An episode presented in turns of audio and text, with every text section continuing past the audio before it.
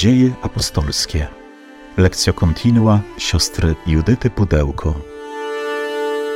Powracamy do naszego tekstu Dziejów apostolskich, do czwartego rozdziału i stając też w postawie słuchania, prosimy o tę łaskę usłyszenia tego, co dzisiaj Duch Święty będzie chciał powiedzieć każdemu z nas poprzez to słowo. A zatem niech nasze serca staną w postawie wyciszenia, otwartości. Pozostawmy to wszystko, co absorbowało nas przez cały ten dzisiejszy dzień, powierzając to wszystko Panu, właśnie z tym pragnieniem usłyszenia Jego słowa, doświadczenia daru Jego obecności w naszym sercu, we wspólnocie, którą tworzymy, i później również w sakramencie Eucharystii. Panie Jezu Chryste, uwielbiamy Ciebie w tajemnicy Twego zmartwychwstania, w Twojej obecności pośród nas, która się dokonuje dzięki darowi Ducha Świętego. Prosimy Cię, otwieraj nasze serca na dar Twojego słowa, spraw, abyśmy przez to spotkanie z Tobą mogli doświadczać Twojej obecności i tego nowego życia, do którego nas zapraszasz. Prosimy Cię, udzielaj nam Twojego Ducha Świętego. Przyjdź, o Duchu Święty, przyjdź mocy Boga i słodyczy Boga. Przyjdź Ty, który jesteś poruszeniem i spokojem zarazem. Odnów nasze męstwo, wypełnij naszą samotność pośród świata. Stwórz w nas zażyłość z Bogiem Przyjdź duchu z przebitego boku Chrystusa na krzyżu. Przyjdź z ust zmartwychwstałego.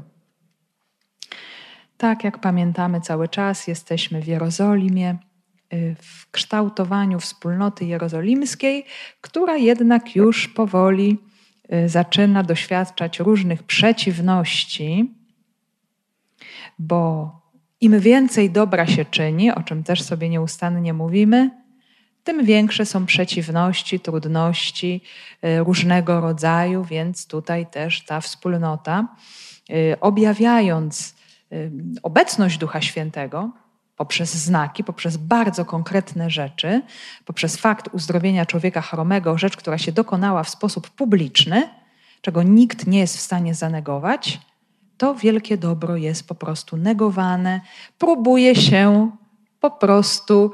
Yy, w jakiś sposób unieruchomić Słowo Boże, czyli unieruchomić Ducha Świętego, czego oczywiście zrobić się nie da. Jest to niemożliwe. Y, może sobie tylko powiemy, co może spowodować y, blokadę. Oczywiście y, sam Duch Święty jest nie do zablokowania. Natomiast człowiek może dokonać pewnego wyboru, że nie będzie chciał go przyjąć do swojego życia. I tak się może stać.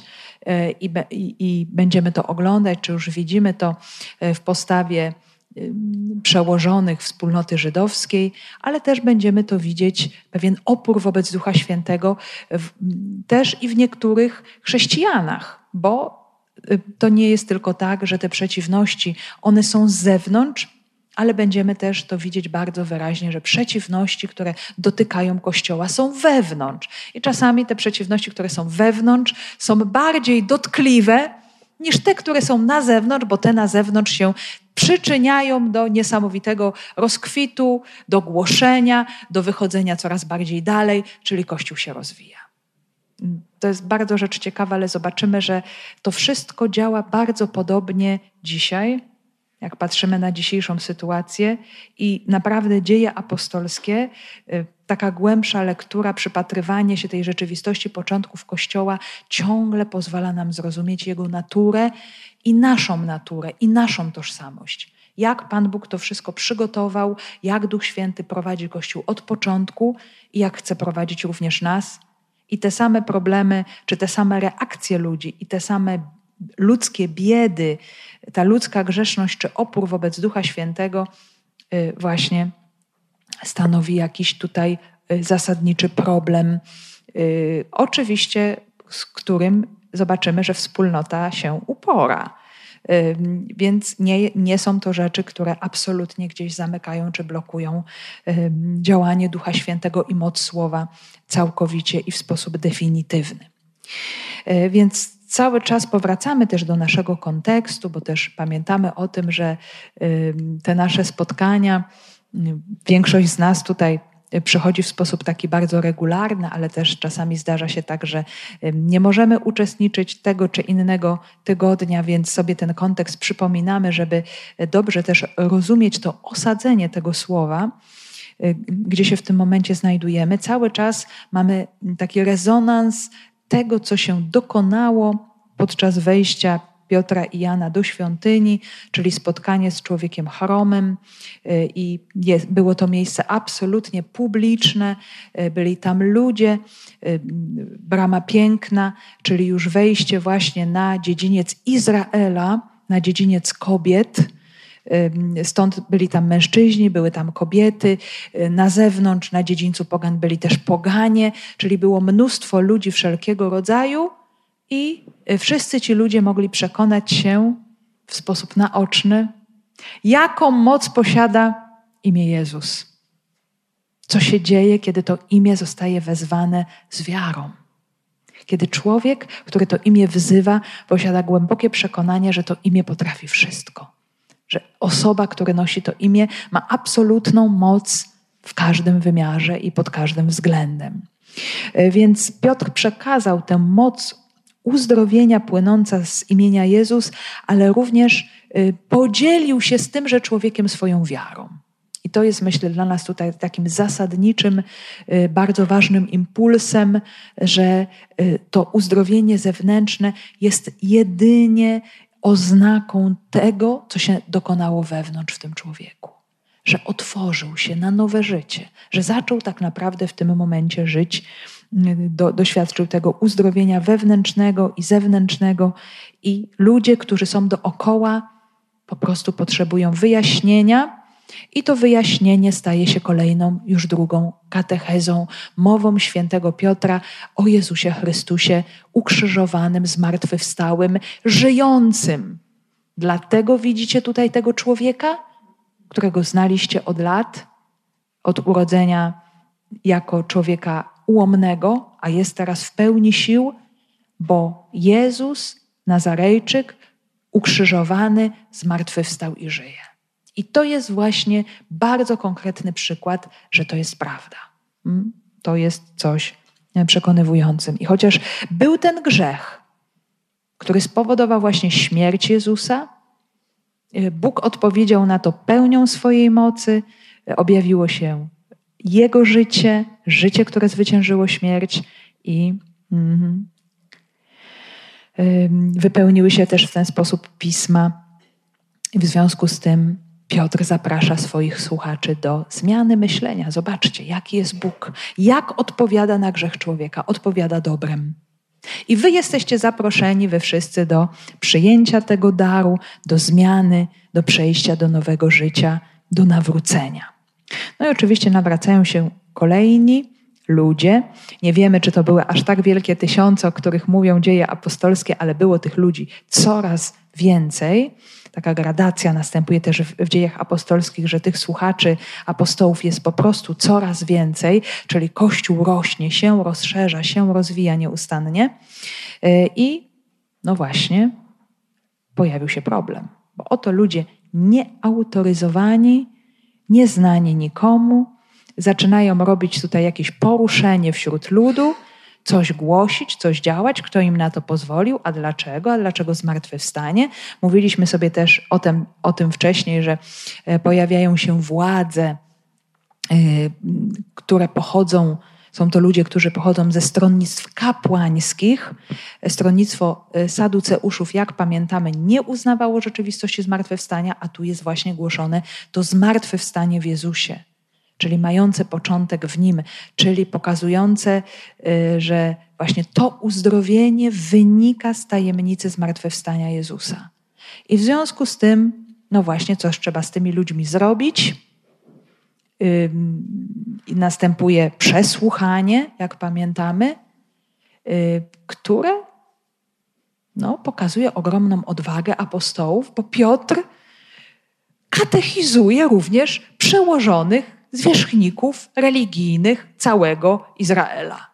No więc jest to coś kuriozalnego i niesamowitego, że Piotr, który jak pamiętamy niesamowicie się bał e, i, i nie potrafił przyznać się do Jezusa wobec służącej na dziedzińcu arcykapłana, teraz pod wpływem działania Ducha Świętego jest całkowicie przemieniony.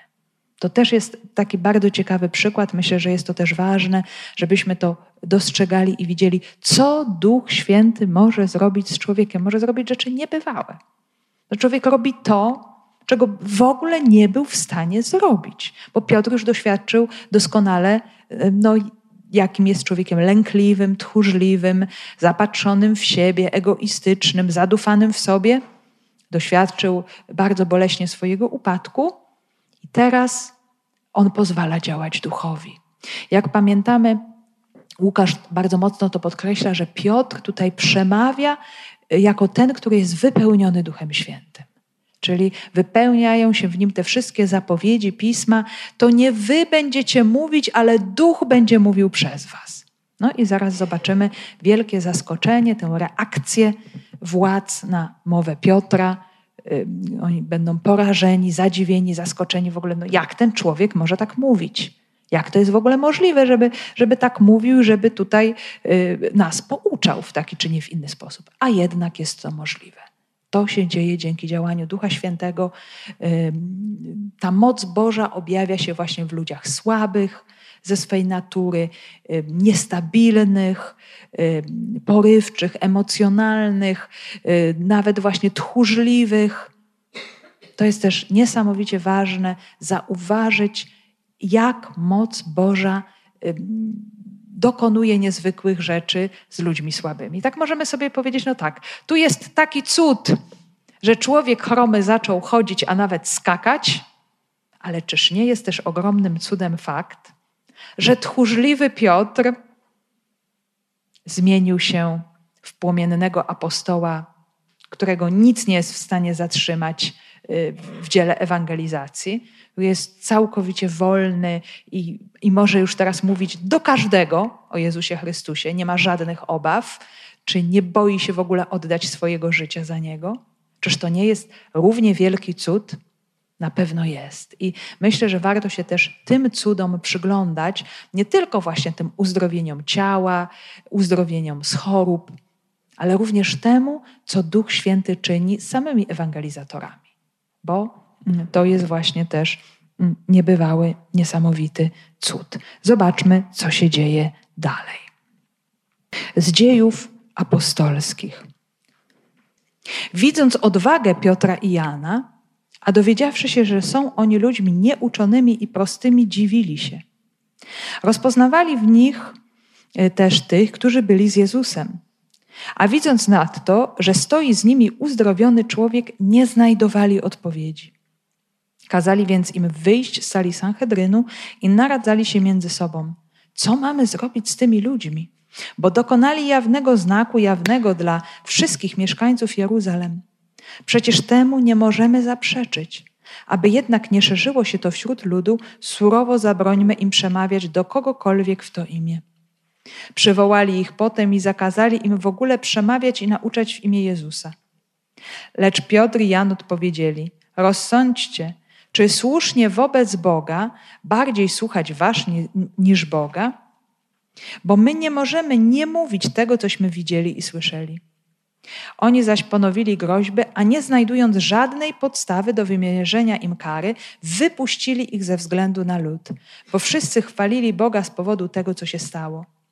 A człowiek, który doznał tego znaku uzdrowienia, miał ponad 40 lat. Widząc odwagę Piotra i Jana, dowiedziawszy się, że są oni ludźmi nieuczonymi i prostymi, dziwili się. Rozpoznawali w nich też tych, którzy byli z Jezusem. E, co tutaj zwraca uwagę? Oczywiście mm, to jest też takie przykre i dotkliwe, że mm, władze mm, Sanhedrynu y, tak jakby nie wnikają w głąb tego wydarzenia. Nie dotykają istoty rzeczy tego, co się stało. Nie potrafią tego e, wszystkiego połączyć z osobą Jezusa e, i naprawdę, żeby sobie to uzmysłowić, no, że skoro tak się stało, że skoro to Jego imię, no to On naprawdę żyje. Oni zatrzymują się na pewnej powierzchni i y, wyłapują niejako symptomy takie zewnętrzne y, całego tego wydarzenia. I co tutaj jest przez nich zauważone? Y, oprócz tego oczywiście, że człowiek został uzdrowiony, co jeszcze zostanie przez nich tutaj podkreślone i uwypuklone jako fakt nie do zaprzeczenia, zauważają oni z wielkim zdziwieniem, w ogóle zachowanie apostołów, jako tych zwykłych, prostych ludzi, jest absolutnie niezwykłe. Jest tutaj termin, o którym już sobie mówiliśmy w kontekście Ewangelii Jana, a mianowicie słowo parezja, y, i to słowo oznacza swobodę w mówieniu, w wypowiadaniu się. Jezus mówił właśnie z pełną jawnością, z pełną swobodą, nie obawiał się nikogo. Mówiliśmy sobie o tym też dosyć wnikliwie, że y, nie zależało mu kompletnie na opinii ludzkiej, co ludzie sobie o nim pomyślą, czy jedni, czy drudzy, i to, co uważał za słuszne, to mówił. I teraz to samo dokonuje się również wśród apostołów, y, którzy również mówią z pełną swobodą. E, I ta parezja, ta wolność słowa, ta swoboda w mówieniu, to była przede wszystkim cecha ludzi wolnych, e, też ludzi wykształconych, mających jakąś przewagę nad innymi, e, takich odważnych obywateli, zwłaszcza właśnie tych mających obywatelstwo greckie czy rzymskie, no, oni mogli sobie na coś takiego pozwolić, bo byli wykształceni, mieli y, pewien światopogląd, poznanie świata, wiedzę, doświadczenie, no więc mogli się swobodnie wyrażać na różne tematy. No ale ci prości Galilejczycy, no tutaj jest zaskoczenie. Skąd oni mają tę swobodę w mówieniu, taką wolność słowa? Co to w ogóle jest? I tym bardziej, że w oczach E, tychże przywódców, ci ludzie, czyli apostołowie, są ludźmi bez wiedzy, bez wykształcenia w ich rozumieniu, są ignorantami. Tutaj się nawet pojawia grecki termin idiotes, który nam się może bardzo dobrze kojarzyć, bo słowo polskie właśnie od tego greckiego słowa pochodzi. No tacy idiotes, co oni będą nam tutaj mówić? E, to jest właśnie ktoś, kto jest zupełnie prosty, bez żadnej wiedzy i staje wobec kogo? Wobec specjalisty w danej dziedzinie. Wobec ludzi mających wiedzę, znających pisma, takich wielce wykształconych teologów. Przychodzi człowiek, który zupełnie nie ma nic z tym wspólnego. I on się tutaj, w tej dziedzinie i w dziedzinie interpretacji pism wypowiada jakby zęby na tym zjadł. W ogóle, no jak to jest możliwe? Ale zobaczmy, cały czas ci, ci uczeni, y, ten Sachedryn, oni patrzą po zewnętrznych jakichś pozorach, nie idą ani kroku dalej. Tylko znów się zatrzymują na czymś absolutnie y, też powierzchowni. No przecież to są jeszcze na dodatek Galilejczycy. To są ludzie z Galilei. To nie są nawet mieszkańcy Jerozolimy, którzy by gdzieś tutaj przy świątyni nabyli jakieś ogłady, jakieś świadomości. Nawet ta ich mowa to zdradza. Już też o tym mówiliśmy, że w Galilei był nieco inny akcent, sposób wymawiania samogłosek czy spółgłosek gardłowych. No, my dzisiaj też jesteśmy w stanie rozpoznać, jeżeli ktoś jest z pewnych terenów Polski i godo w jakiś sposób tam nie taki, jak my mówimy, inaczej właśnie akcentuje czy wymawia samogłoski, no to widzimy, ktoś ktoś mówi gwarą. I tu nagle taki człowiek, mówiący gwarą, nie wiadomo skąd, ma wiedzę. I skąd on to ma? I ma pewną lekkość, swobodę, wolność, niczego się nie obawia. Jak to jest w ogóle możliwe? Zobaczmy, jakie to jest niezwykłe, co czyni Duch Święty. Wobec takich sytuacji odbiera lęk. To jest jedna z, z tych jeden z tych oznaków, przejawów działania Ducha Świętego tak niezmiernie ważny, że Duch odbiera lęk, bo to jest czysta miłość Boga. Miłość usuwa lęk w człowieku, lęk wszelkiego rodzaju. Też ten lęk o siebie, moi drodzy, bo ostatecznie y, no, my mamy różne lęki, ale ten najgłębszy lęk to jest lęk o siebie, o swoje życie. Y, z tego pochodzą inne lęki o własną opinię, i im bardziej człowiek jest przewrażliwiony na swoim tle, to tym bardziej się w różnych takich sytuacjach kryguje, a jak ja wypadnę, a co powiedzą, a jak mnie ocenią. No tutaj też jest taka sytuacja dosyć y, y, szczególna, ponieważ no to chodzi też o jakieś zagrożenie życia. Wprawdzie wiemy też, że Sanhedryn sam z siebie nie mógł y, skazać ich na śmierć, by musieli być znowu wydani y, w ręce Rzymian, no chyba żeby się dokonał jakiś lincz, co też miało miejsce, ale no, była to jakaś sytuacja też bardzo konkretnego zagrożenia życia. I oto ci ludzie zupełnie prości mają w sobie taką siłę. Skąd to się bierze? Mogą sobie tutaj y, uczeni zadać pytanie. A widząc na to, że stoi z nimi uzdrowiony człowiek, nie znajdowali odpowiedzi. No, widzą tego uzdrowionego, który chodzi, e, widzą tych ludzi, którzy mają tę odwagę. Nie znajdują odpowiedzi, ponieważ odpowiedź jest właśnie jako spoza ich e, przestrzeni, tak bardzo też ograniczonej. Oni ograniczyli się e, w rozumieniu działania Boga. Zobaczcie, to jest wielkie zagrożenie właśnie dla ludzi pobożnych. To byli ludzie bardzo pobożni, ci Sanhedrynu. My nie myślmy, że to byli jacyś bezbożnicy. To byli bardzo pobożni, uczeni ludzie, ale na czym polegał ten problem? Że oni zawęzili działanie Boga do pewnych ramek. Czyli Pan Bóg może zadziałać tylko tak i tak i tak, a już więcej no nie może. Oni jakoś sobie to wszystko tak poustawiali, i to jest właśnie też to zagrożenie, o którym warto pamiętać, że można Pana Boga włożyć w jakiś schemat. Y, to może być bardzo też nawet taki y, sposób, czy, czy sposób podejścia, patrzenia na świat, nie mający jakichś złych zamiarów wobec innych czy wobec siebie, no, będący pewnym jakimś takim brakiem oczywiście, ale też takim działaniem na tej zasadzie, że ja mam takie doświadczenie Boga, więc innego doświadczenia być nie może. To musi być tak, tak i tak. A tymczasem Duch Święty jest niesamowicie twórczy i przekracza wszelkie bariery. My sobie już powiedzieliśmy o tym, jak Duch Święty przychodzi nagle, przychodzi niespodziewanie, robi różne dziwne rzeczy objawia się w taki czy nie w inny sposób i będziemy dalej widzieć, jak ten Duch Święty będzie zaskakiwał samych apostołów. Jak oni będą musieli być niesamowicie uważni i słuchać, idź tu, nie idź tam, zrób to, nie rób tego. Będą musieli cały czas słuchać. I zobaczcie, na tym polega ży prawdziwe życie chrześcijańskie. Rozeznawanie w Duchu Świętym. Taki wewnętrzny kontakt, taka otwartość na Ducha Świętego, takie słuchanie, taka modlitwa, taka uważność, żeby być cały czas w tej świeżości. I zobaczcie, wtedy to życie chrześcijańskie to nie jest coś takiego, że my sobie tylko wypełniamy jakiś zewnętrzny rytuał. No bo też tak można, nie? Być w pewnym rytuale, bardzo pobożnie i pięknie go wypełniać przez cały rok liturgiczny. Tu mamy Adwent, tu Boże Narodzenie, tu mamy Wielki Post, tu mamy Wielkanoc, tu mamy to, tu mamy to. No i tak sobie to wszystko poukładamy, nie?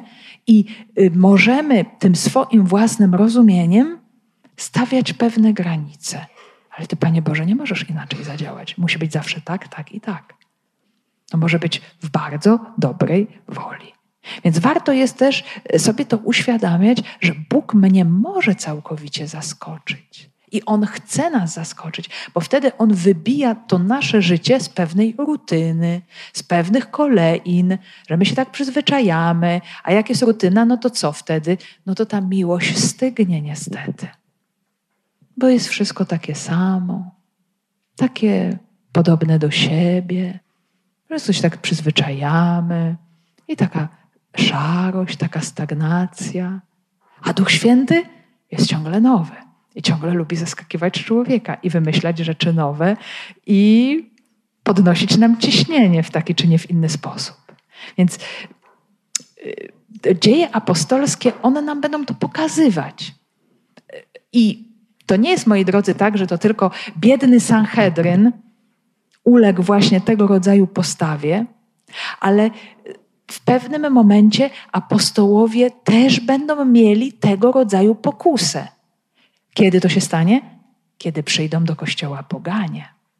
Jak my mamy ich potraktować? No musi być tak, jak było, powie część, powie to bardziej konserwatywne stronnictwo. Muszą stać się Żydami, zachowywać prawo, być y, obrzezani. Musi być po kolei tak, jak było do tej pory. A może ma być inaczej? I nastąpi cudowna konfrontacja i to, to jest cudowne, moi drodzy. My to teraz też czytamy w liturgii, y, bo czytamy dzieje apostolskie w okresie wielkanocnym, więc to niesamowicie wybrzmiewa, jak Kościół od samego początku poszukuje, rozeznaje, odkrywa nowe drogi.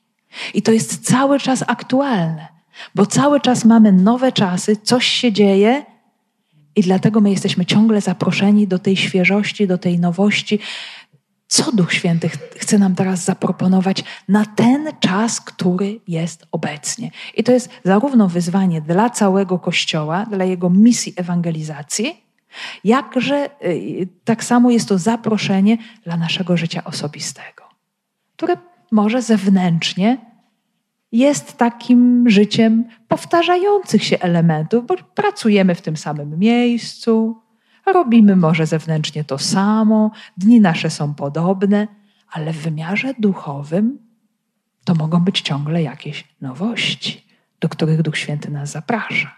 Tylko właśnie, czy jesteśmy je w stanie zauważyć, też to jest bardzo, y, bardzo ciekawe pytanie.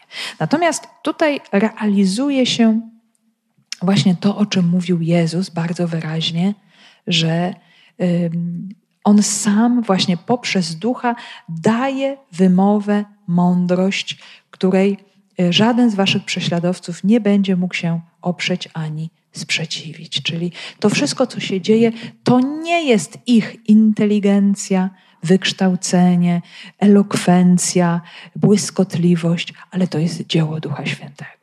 Więc moi drodzy, jeżeli mamy jakieś zadanie do spełnienia i widzimy, że się do tego nie nadajemy, a jednak Pan Bóg nas do tego posyła, no to znaczy, że On chce, żeby to było Jego dzieło. I tak to zazwyczaj jest. Zobaczcie, to jest, to jest jakieś DNA Kościoła. Oni nie byli do tego przygotowani w sposób ludzki, ale zostali uzdolnieni przez Ducha Świętego do tej misji. I nikt nie potrafi zrozumieć, jak im to tak wychodzi, jak oni to tak potrafią zrobić. No i pojawia się właśnie pytanie, dylemat. Co mamy zrobić z tymi ludźmi? Bo dokonali jawnego znaku, jawnego dla wszystkich mieszkańców Jeruzalem, przecież temu nie możemy zaprzeczyć. Aby jednak nie szerzyło się to wśród ludu, surowo zabrońmy im przemawiać do kogokolwiek w to imię. I to jest, moi drodzy, takie dziwne. Rzeczywistość jest absolutnie pozytywna i wszystko aż krzyczy, żeby uwierzyć, tak jak uwierzył prosty lud, ale jest opór. Nie zmieniajmy nic, nie pozwólmy, żeby się to szerzyło. Nie przyjmujmy tej rzeczywistości. Czyli zobaczmy, co jest tym zagrożeniem. Niechęć wejścia w dialog ze Słowem. Zamknięcie, zatwardziałość serca. To słowo jest po prostu dynamitem absolutnym, który będzie rozrywał to i to i to, ale człowiek może się tak y, ufortyfikować w swojej twierdzy, że nie będzie chciał w ten dialog ze Słowem przyjść. I to jest właśnie ten problem. To jest ta zapora postawiona Słowu i Duchowi Świętemu. Y, I zobaczcie, to jest bardzo ciekawa rzecz, bo y, ta zapora, ona nie pochodzi z faktu grzeszności człowieka. To nie jest tak, że to ludzki grzech, słabość, bieda, że jestem grzeszny, że ja upadam, że to staje się barierą dla Ducha Świętego i dla łaski. Jest inna bariera. Barierą jest pycha człowieka, jest zatwardziałość serca. To jest tak naprawdę bariera.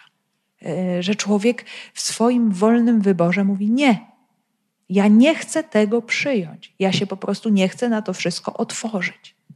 I Bóg tę wolność człowieka szanuje i pozostawia e, człowieka też w tym jego wolnym wyborze. Także to jest tak naprawdę ta blokada, która w tym momencie zamyka, bo no, zobaczmy, to jest ciekawa też rzecz, że y, Pan Bóg na bardzo różne sposoby przychodzi do człowieka. I to nie jest tak, że przychodzi tylko do jednych, a nie przychodzi do drugich. On przychodzi. Wielu ludzi nawet tego nie dostrzega. To jest fakt, że wielu ludzi nawet tego nie dostrzega. Natomiast wielu ludzi widząc, czy mając do czynienia z taką czy nie inną sytuacją, ją po prostu odrzuca. Więc mm, no, oczywiście to może być też tak, że ta zatwardziałość jest czasowa, że potem będą pewne wydarzenia zupełnie innego rodzaju, yy, które gdzieś w ten kamień, w tę zatwardziałość uderzą. Będziemy mieć historię w dziejach apostolskich pewnego bardzo zaciętego faryzeusza, który bardzo mocno się sprzeciwiał chrześcijanom i pochodził z Tarsu. I jednak nastąpił ten moment szczególnego spotkania, chociaż to spotkanie wcześniej też było. W jakim momencie? Kiedy prześladował. On usłyszał o tym imieniu. On usłyszał o tym, co się działo. No i właśnie bardzo mocno się temu sprzeciwił, tak jak ci tutaj, a nawet jeszcze bardziej się sprzeciwił, bo on już uczestniczył w tych prześladowaniach, które nastąpiły w tym po, czy właśnie on niejako rozpoczął te prześladowania wraz z ukamienowaniem Szczepana. Więc jeszcze posunął się krok dalej. Ale zobaczcie, Pan Bóg szuka dojścia do każdego. I oczywiście e, w dziejach apostolskich my nie mamy bardzo wielu historii y, takich nawróceń, tak spektakularnych i niezwykłych, ale myślę, że wydaje, wydaje mi się, że Szaweł Starsu jest dla nas takim przykładem, że Pan Bóg na bardzo różne sposoby podchodzi do człowieka od tej strony, od tej strony i go szuka i chce go zdobyć. Więc widząc nawet dzisiaj tę zatwardziałość, która może nas jakoś dotykać, boleć, stawiać nam znak zapytania, no właśnie, czy ja tutaj nie robię jakiejś blokady Bożemu Słowu w moim życiu, w jakimś, w jakimś jednym na przykład aspekcie mojego życia. Ja mogę tego słowa nie przyjmować. To miejmy też ogromną nadzieję, że Bóg na pewno z człowieka, a nie z każdego z nas nie zrezygnuje. I on będzie szukał, on szuka i on będzie szukał dojścia do wszystkich wymiarów naszego życia. Stopniowo, powoli, w swoim czasie. Więc y, nawet, zobaczcie, ta sytuacja problematyczna, ona też może być przez nas odczytana w kluczu dobrej nowiny, że jest możliwa zmiana.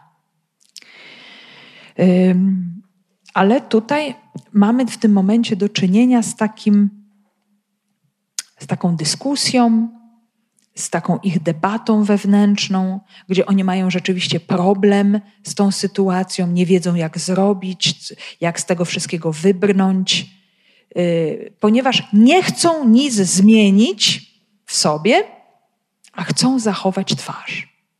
Chcą wyjść z twarzą wobec oczywiście samych siebie, co nie jest rzeczą akurat trudną, bo człowiek My mamy, ludzie mamy ogromną skłonność oszukiwania samych siebie. Y, niby tak, takimi jesteśmy wielkimi bojownikami o prawdę i o y, szczerość, właśnie, a najczęściej to oszukujemy samych siebie przez różne właśnie nasze takie czy nie inne zachowania, ale też, żeby wyjść z twarzą wobec ludzi, którzy w sposób bardzo entuzjastyczny podeszli do, do całej tej sytuacji. Więc więc co trzeba zrobić? Trzeba po prostu sprawę wyciszyć. Żeby przestano mówić, przestano, e, żeby ludzie przestali w ogóle się tym zajmować i koniec, kropka. Cisza, spokój i wtedy problem sam zniknie. Zabronić im dalszego działania. Przywołali ich potem i zakazali im w ogóle przemawiać i nauczać w imię Jezusa. I zobaczmy, to jest bardzo ciekawa rzecz, bo y, takim problemem, który się dokonał y, tutaj, y, czymś takim, czego oni nie byli, nie byli sobie w stanie poradzić, to było to uzdrowienie, że człowiek stanął zdrowy. Ale oczywiście nie pojawia się zakaz, nie pozwalamy wam uzdrawiać, ale nie pozwalamy wam przemawiać i nauczać. Czyli jaki z tego wynika wniosek?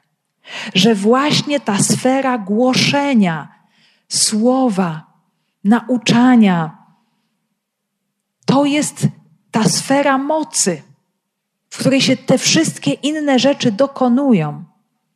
Wystarczy, że człowiek, który ma Ducha Świętego, zacznie mówić i się po prostu coś dzieje.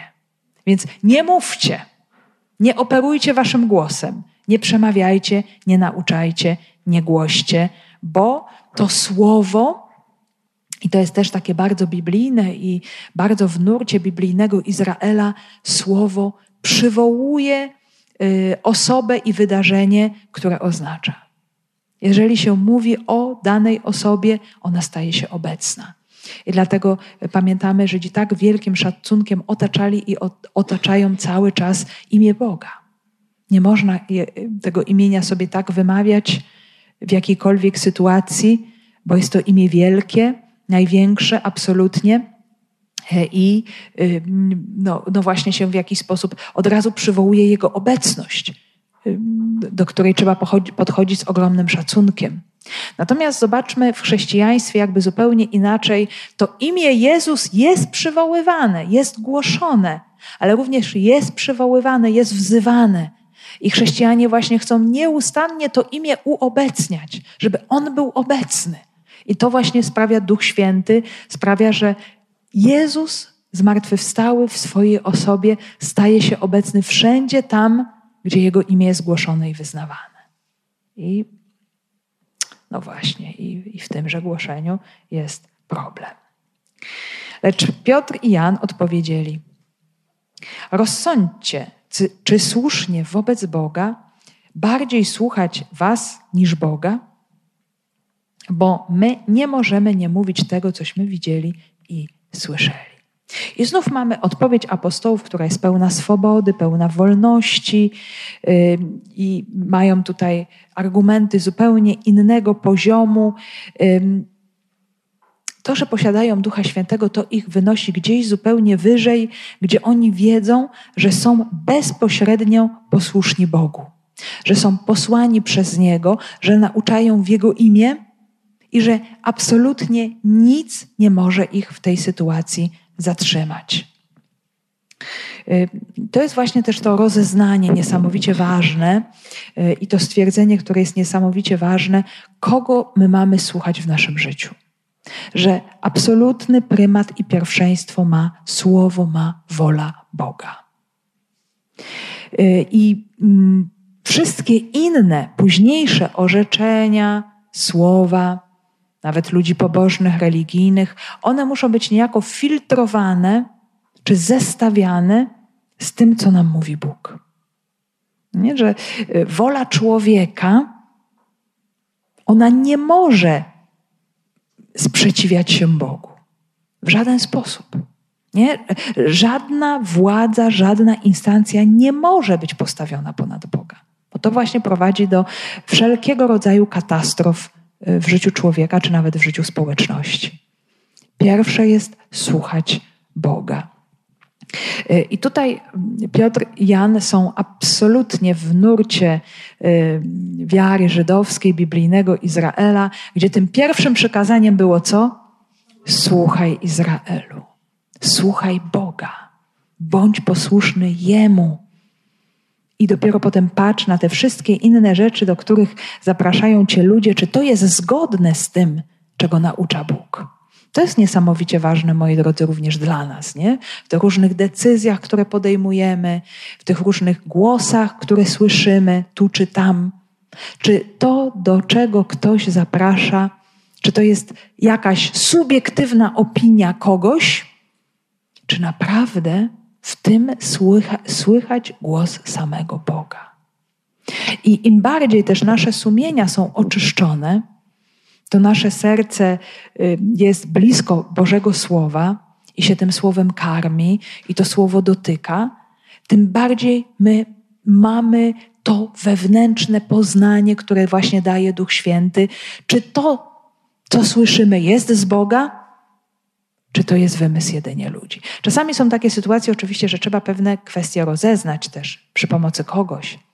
My tu mamy kwestię e, kierownictwa duchowego, czy porad jakichś osób duchowo doświadczonych, ale e, stopniowo również Duch Święty daje człowiekowi pewne wyczucie, pewne poznanie, czy to jest głos, który jest z Boga, czy też jest to, możemy powiedzieć, tylko zwykła ludzka interpretacja, czy taka chęć narzucenia Panu Bogu, jak on powinien. Czy to jest Boże, a to nie jest Boże. Więc mm, to, to jest niesamowite też zaproszenie wszystkich chrześcijan, y, szczególnie czasów dzisiejszych, do rozeznawania, do takiego wsłuchiwania się bardzo wnikliwego, oceniania różnych sytuacji, ale właśnie nie subiektywnie, bo mi się tak wydaje, ale ocenianie właśnie w odniesieniu do tego, jak nauczał Jezus, do czego zapraszał Jezus. I kiedy jest to możliwe? Kiedy my wiemy, czego nauczał Jezus, kiedy my poznajemy Ewangelię, kiedy my słuchamy Bożego Słowa. Zobaczmy, bez ścisłego kontaktu z Bożym Słowem my nie dojrzejemy w wierze. Bo każdy będzie mógł nami manipulować w gruncie rzeczy, nie? Wystarczy tylko, że będzie ktoś bardziej sprytnym mówcą, bardziej wyćwiczonym, bardziej przekonywującym i można się dać tutaj porwać takiej czy nie innej ocenie rzeczywistości. Nie? My mamy mnóstwo tych ocen. Nie? Co jeden dzisiaj to jest mądrzejszy i wszyscy się znają na wszystkich rzeczach. Coś się dzieje, jakieś rzeczy się zadzieją. Zobaczcie, jacy wszyscy są mądrzy. Ale właśnie, spróbujmy popatrzeć na to wszystko z punktu widzenia Jezusa Chrystusa i tego, co On powiedział, i tego, kim On jest. I wtedy myślę, że dużo tych wielkich pseudomądrości opada. Nie? Bardziej należy słuchać Boga, aniżeli ludzi. Mm, bo my do końca nie znamy, jakie są intencje y, tego, tych właśnie wielkich głoszonych mądrości, y, czy komuś naprawdę zależy na dobru, takim autentycznym dobru człowieka, czy się po prostu na tej sytuacji lansuje, powiedzmy to sobie szczerze, bo chce zaistnieć. Nie wiemy. I do końca nie jesteśmy w stanie oceniać, i to też nie jest nasza rola. Ale zawsze wszystkie sytuacje odnosić, prosić Ducha Świętego o światło, ale odnosić do tego, co mówi Jezus w Ewangelii, do czego On zaprasza swoich uczniów. I to, to nam daje zawsze taki bardzo jasny światło, jasne światło, poznanie, ale też taką właśnie odwagę.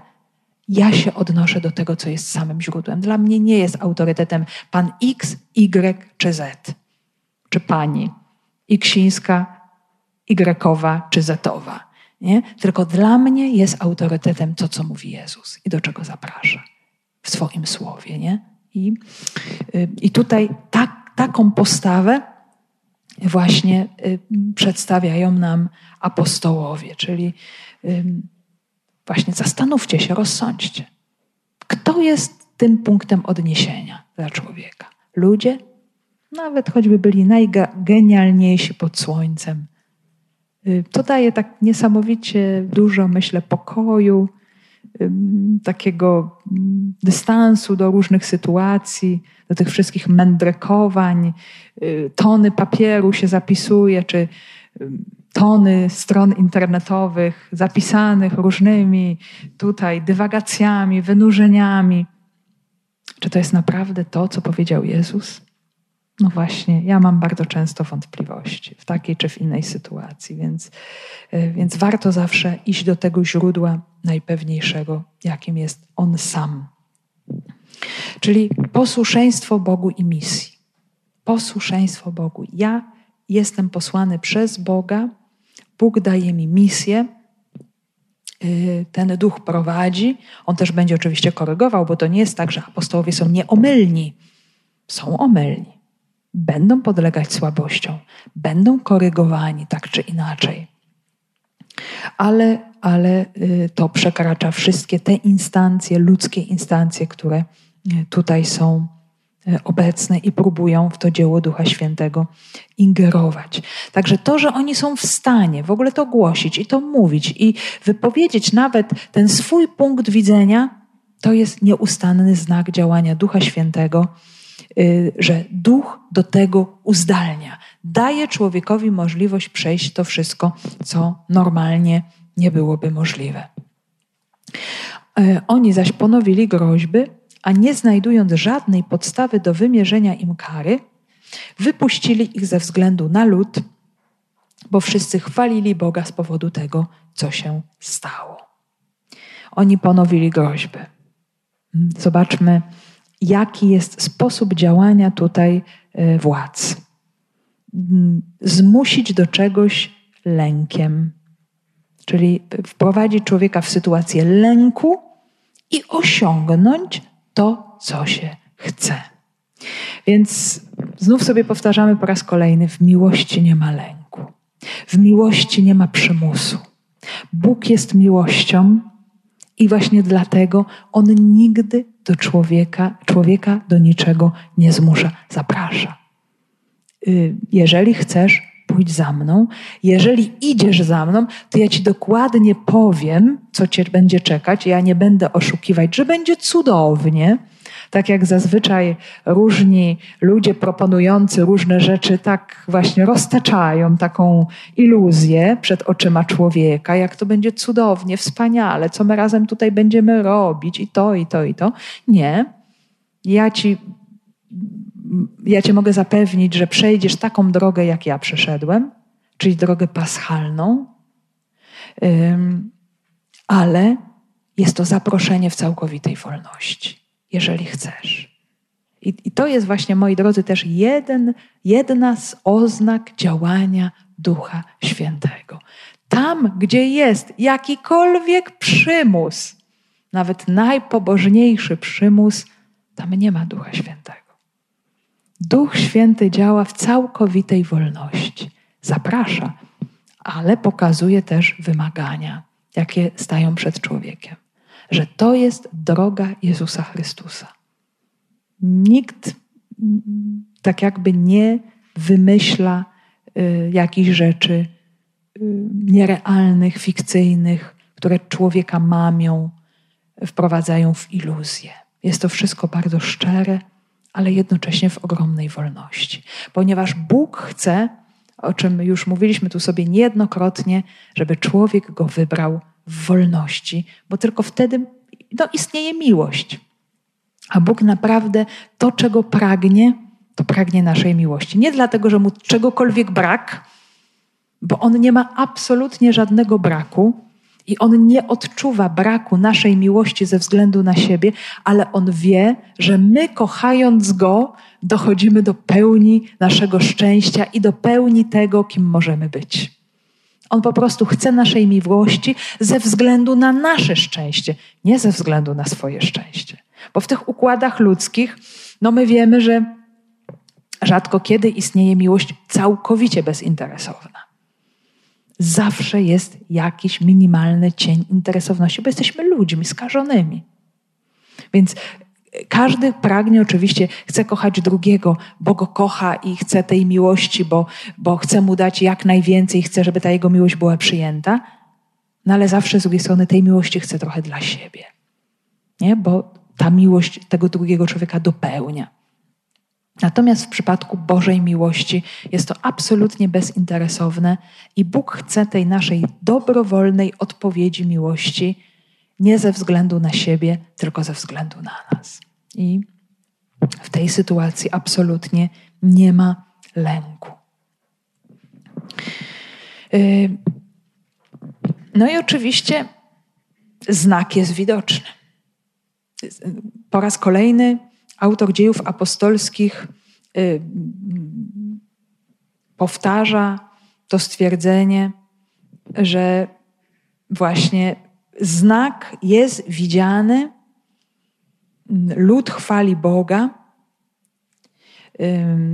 ale to wszystko jest interpretowane w zupełnie inny sposób, bo i tutaj jest rzecz niezwykła, mogą dziać się cuda nieprawdopodobne w tym samym miejscu. I jedni zobaczą w tym Boga, a drudzy nie. Więc moi drodzy, nie w cudach jest rzecz. I nie w szukaniu cudów istnieje, możemy powiedzieć, cały tutaj zwrotny punkt. Bo może być ten sam nieprawdopodobny cud, i dla jednych będzie to ogromna pomoc w ich wierze, i oni w tym naprawdę zobaczą działanie Boga, ale inni nie. Więc mm, ja myślę, że nie tyle y, ważne jest prosić Boga o cud, ale prosić Boga o wiarę, nawet bez cudów, nie? O taką wiarę, kiedy cudów nie ma.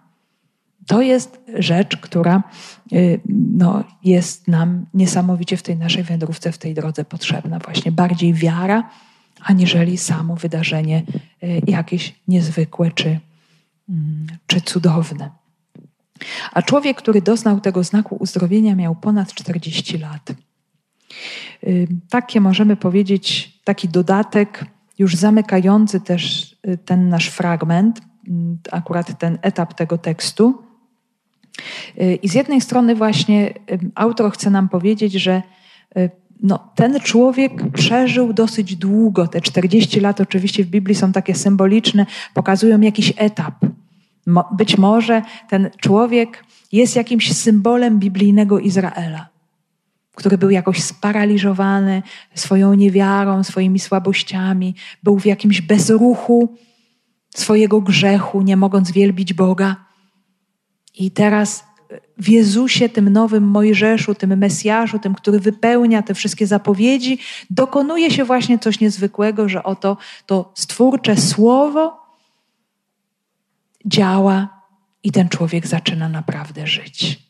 No z drugiej strony, oczywiście, też taka interpretacja bardziej dosłowna, że ten człowiek żył już długo w tej sytuacji.